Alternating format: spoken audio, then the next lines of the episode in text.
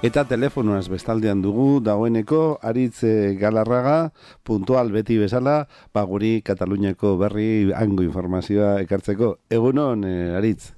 Egunon, Xabi, bai. Bueno, bueno Kataluniako eta Espainiako legeen arteko talka hori da lehenbiziko gaia ipatu behar duguna, ezta?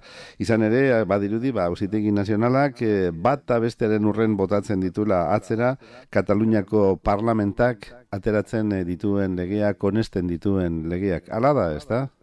Ba, bai, ba, bai, ala da. Errazoi eh, osoa duzu, hain zuzen ere, ba, azte honetako notizia garrantzitsuenetako bat, hain zuzen ere, hori izan da, eh? Espainiako hauzitegi konstituzionalak e, bertan bera utzi dituela ba hiru lege, e, oraingoan izan dira hiru lege, ez dira noski hiru lehenak eta segurazki ez dira azkenak ere izango, baina bai, eh, e, hain zuzen ere auzitegi konstituzionalak hori, eh, bertan bera utzi ditu Kataluniako parlamentuak e, onartutako bere garaian onartutako hiru lege. Mm hiru legeak ba hau ese dira, ba, alde batetik e, gizon emakumeen arteko berdintasuna edo bermatuko lukeen lege bat, Gero gobernu lokalen edo udal gobernuen ekintza nolabait arautzen duen beste bat, eta azkena hirugarrena litzateke ba, etxe bizitza utzen gaineko zerga, zerga baten inguruko legea edo, ezta? Horrela, e, beraz, hiru lege horiek impugnatu ditu, bai, bai. horrela esan da nahiko eta konstituzionalak momentuz e, bertan bera utzi ditu, eta Espainiako gobernuak eman duena itzakia nolabait, e, ba hori, e, impugnazio hori egiteko izan da, noski kompetentzia inbazio bat egon dela, ezta? Ustez eta ba, estatuarenak diren e, ba, materia edo gaietan e, sartzen direlako lege katalan hoiek. Mm Tira, pixka bat irakurketa politikoago bat eginda edo ba, egia da badagoela azken aldian, eh, azken hilabete urteotan, ba, ba, Katalunia, Espainia arteko, gobernuen arteko afera politiko hori nolabait judizializatzeko, edo epaitegietara eramateko borondate bat, ezta? Hori garbi ikusten da dibidez, ba, ba, Espainiako gobernuak impugnatu dituen eh, hainbat eta hainbat eh, legeetan, orain, eh, azte honetan hiru hauek izan dira, baina aurretik eh, gehiago ere izan dira, eh, bastakinik, estatu egiturak eh, e, arautzeko legea dibidez e, impugnatu zuten, e, kanpo arazoak ere e, tira, arautuko lituzken lege hori ere bai, eta zer esanik ez, herri kontsultak e, ba, bideratuko lituzken lege famatu ura ere bai, ezta?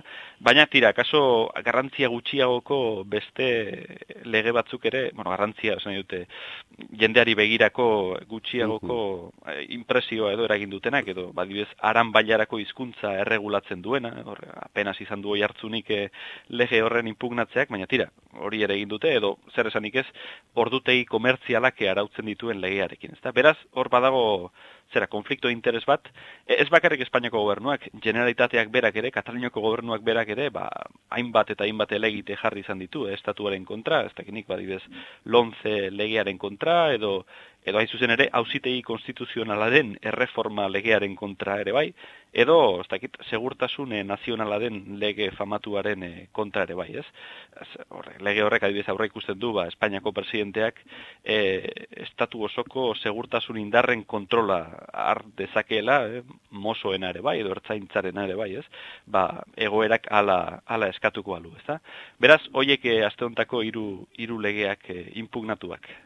Ba, benetan, zin da ulertu, ez da hemendik begiratuta nola egin daiteken aran, eh, araneko goera linguistikoari buruzko lege horren kontra, edo are gutxiago gizon eta emakumen arteko berdintasuna bilatzen duen lege baten kontra egitekotan, haren ari hobekuntzak, gehikuntzak egin beharko litzaizkioke, baina kontra sekula ere, ez da? Baina, bueno, ba, zuk esan duzun bezala, hor badago talka bat, hor badago alako borroka politiko bat interes gurutzatu gehiegi, eta ba, legeen gainetik eta arrazoiaren gainetik beste interes batzuk nagusitzen ari dira, biztan denez.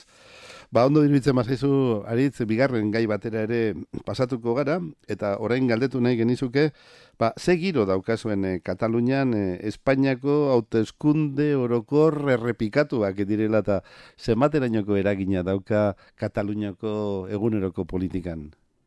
Horre, tira, azken e, egun eta asteetan ere esango nuke, pixka bat, e, mugimenduak dagoeneko e, hauteskunde berrien iragarpen egin aurretik ere mugimenduak eta nabaritzen e, hasiak ziren eta eta beraz e, bai Kataluniako politika ere azken e, egun asteetan ere ba mugitzen ari zentzu horretan eta batez ere begira da ekainaren 26ko hauteskunde berritu hoiekin e, horretan jarrita, ezta?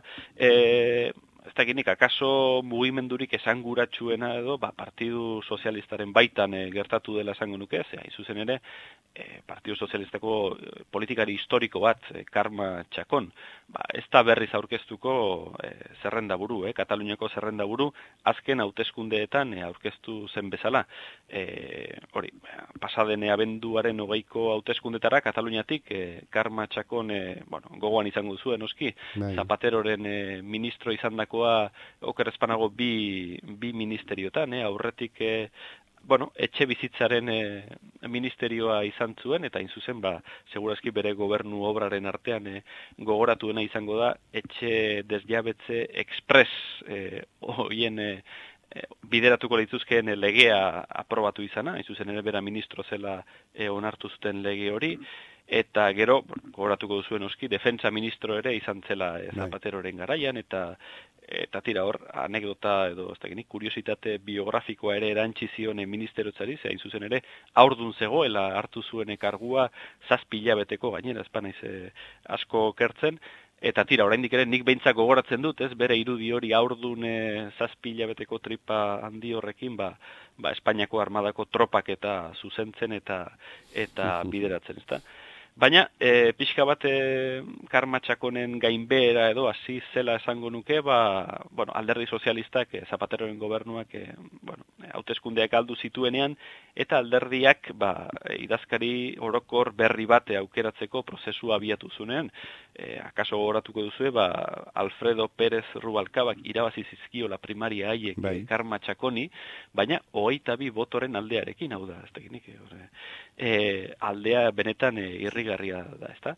Eta horra zitzen pixka bat e, bere gain bera, gero kanpora joan zen, Miami eta ibili zen ez dakit oso ondo zertan, bueltatu zen, bain zuzen ere, Kataluniako e, PSOeko edo PSZeko zerrendaburu izateko azken hauteskundetan eta dena esan behar badago ba, ba inoizko hauteskunde maitzarik txarrenak lortu zituen e, pasaden abenduaren hogeian, ezta?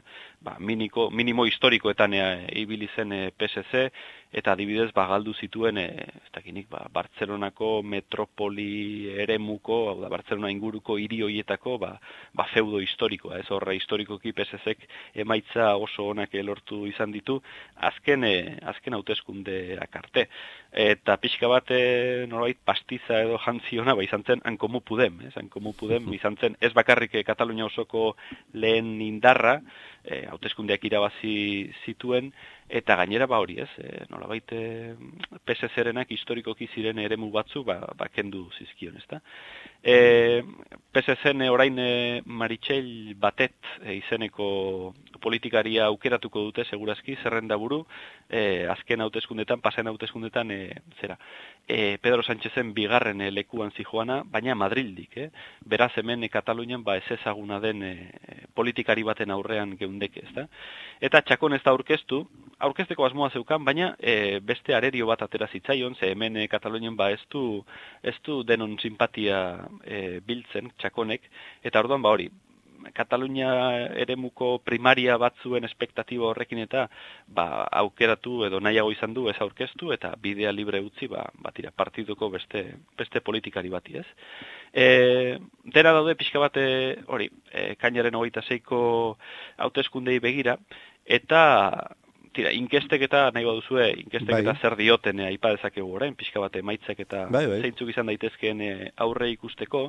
E, esan dugu PSZek, ba, bueno, inoizko emaitza txarrenetatik datorrela, eta orain inkestek ere, ba, pixkat beherakada txiki bat ematen diote. Beraz, e, emaitza txarrenak oraindik ere etortzeke egon daitezke, ezta? Gero, konvergentzia bera ere, adibidez horre, tira, dilema moduko batean dago, ze aurrekoetan etzen bere izenarekin aurkeztu, eta orain, antza, ba, konvergentzia izena berreskuratuko du e, hauteskunde berri hauetarako, enola baite, tira, marka, ba, pentsatu dute ez dagoela hain erreta, edo akaso aldeko boto gehiago emango dietela, baina inkestek ere beherakada txiki bat ematen diete, eta eta hori, bat, bi diputatu artean e, jetxiko lirateke, segurazki, ekainaren hogeita zeian, ez? E, konvergentzia ere e, inoizko e, emaitza txarrenetatik dator, esan nahi dute, abenduaren hogeian minimo historikoetan ibili zen, eta orain ba azpitik ematen diote, ezta? E, horre, tira, alderdi onuradunen artean edo basango nuke enkomu puden berriz agertzen dela lehen indar bezala, eh? berriz irabako, irabaziko lituzkela hauteskundeak hemen e, Katalunian, eta ba, segurazki botoetan ere ba, gorakada txiki batekin, ezta? E, Eskerra Republikana da beste alderdi bat e, gora ingo lukena, edo tira, ez zaiona gehiagi importa, ez, e, hauteskundeak berriz egitea, ze berez aurre ikusten ditu, ba, aldaketan dirik ez dela gongo, ez, beraz, botoetan ez litzateke jetxiko.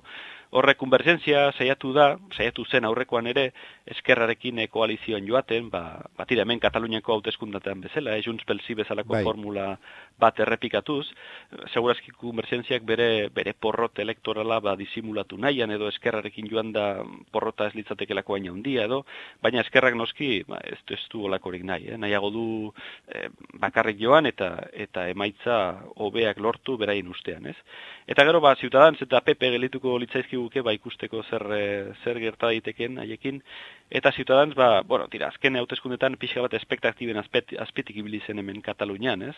E, Segurazki, emaitza hobea espero zuten, eta tira, ba, peperekin berdinduta geratu ziren azken lekuan, ezta?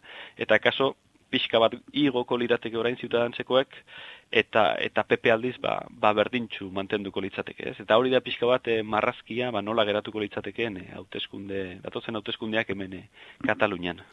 Aurreko zeretatik, datuetatik eta emaitzetatik, ez lirateke hainbeste aldenduko beraz esan duzunez, gora eta bera egingo lukete, baina ez era nabarmenegian, ez da? E, ezein kasutan ere, dirudienez.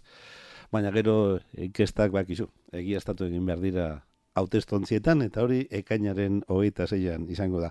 Ordura bitartean beste beste zenbaitetan ere aipatu beharko ditugu horko hauteskundeak, horko giroa eta horko nahazpilak, ez da? Hauzitegi konstituzional horrekin eh, sortu direnak adibidez. Aritze galarraga, mila esker, kronika hau Bartzelonatik e, bidaltzeagatik, ondo ondo bizi zaitezela eta amabostegun barru berriz mintzatuko gara. Berriz mintzatuko gara, hori da, ondo izan zuek ere. Agur, lagun. Agur.